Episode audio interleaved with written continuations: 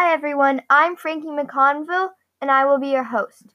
Today I will be talking about how excited I was when I found out I made the highest soccer team.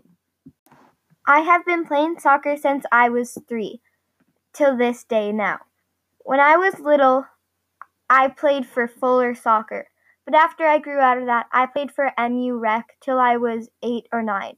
But once I was eight or nine, I wanted to play more competitive, so I did research and I tried out for this team called Keelix.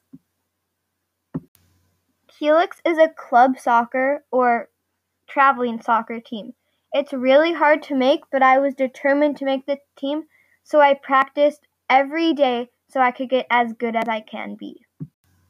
And finally, the day came tryouts for Keelix.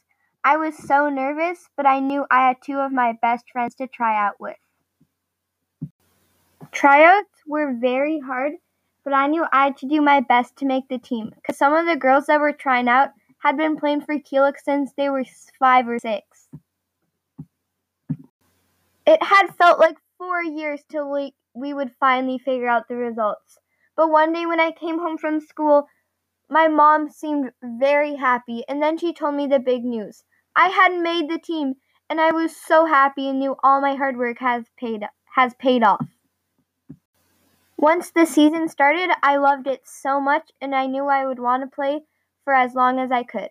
I'm still playing for Keelix now and hoping to play for as long as I can.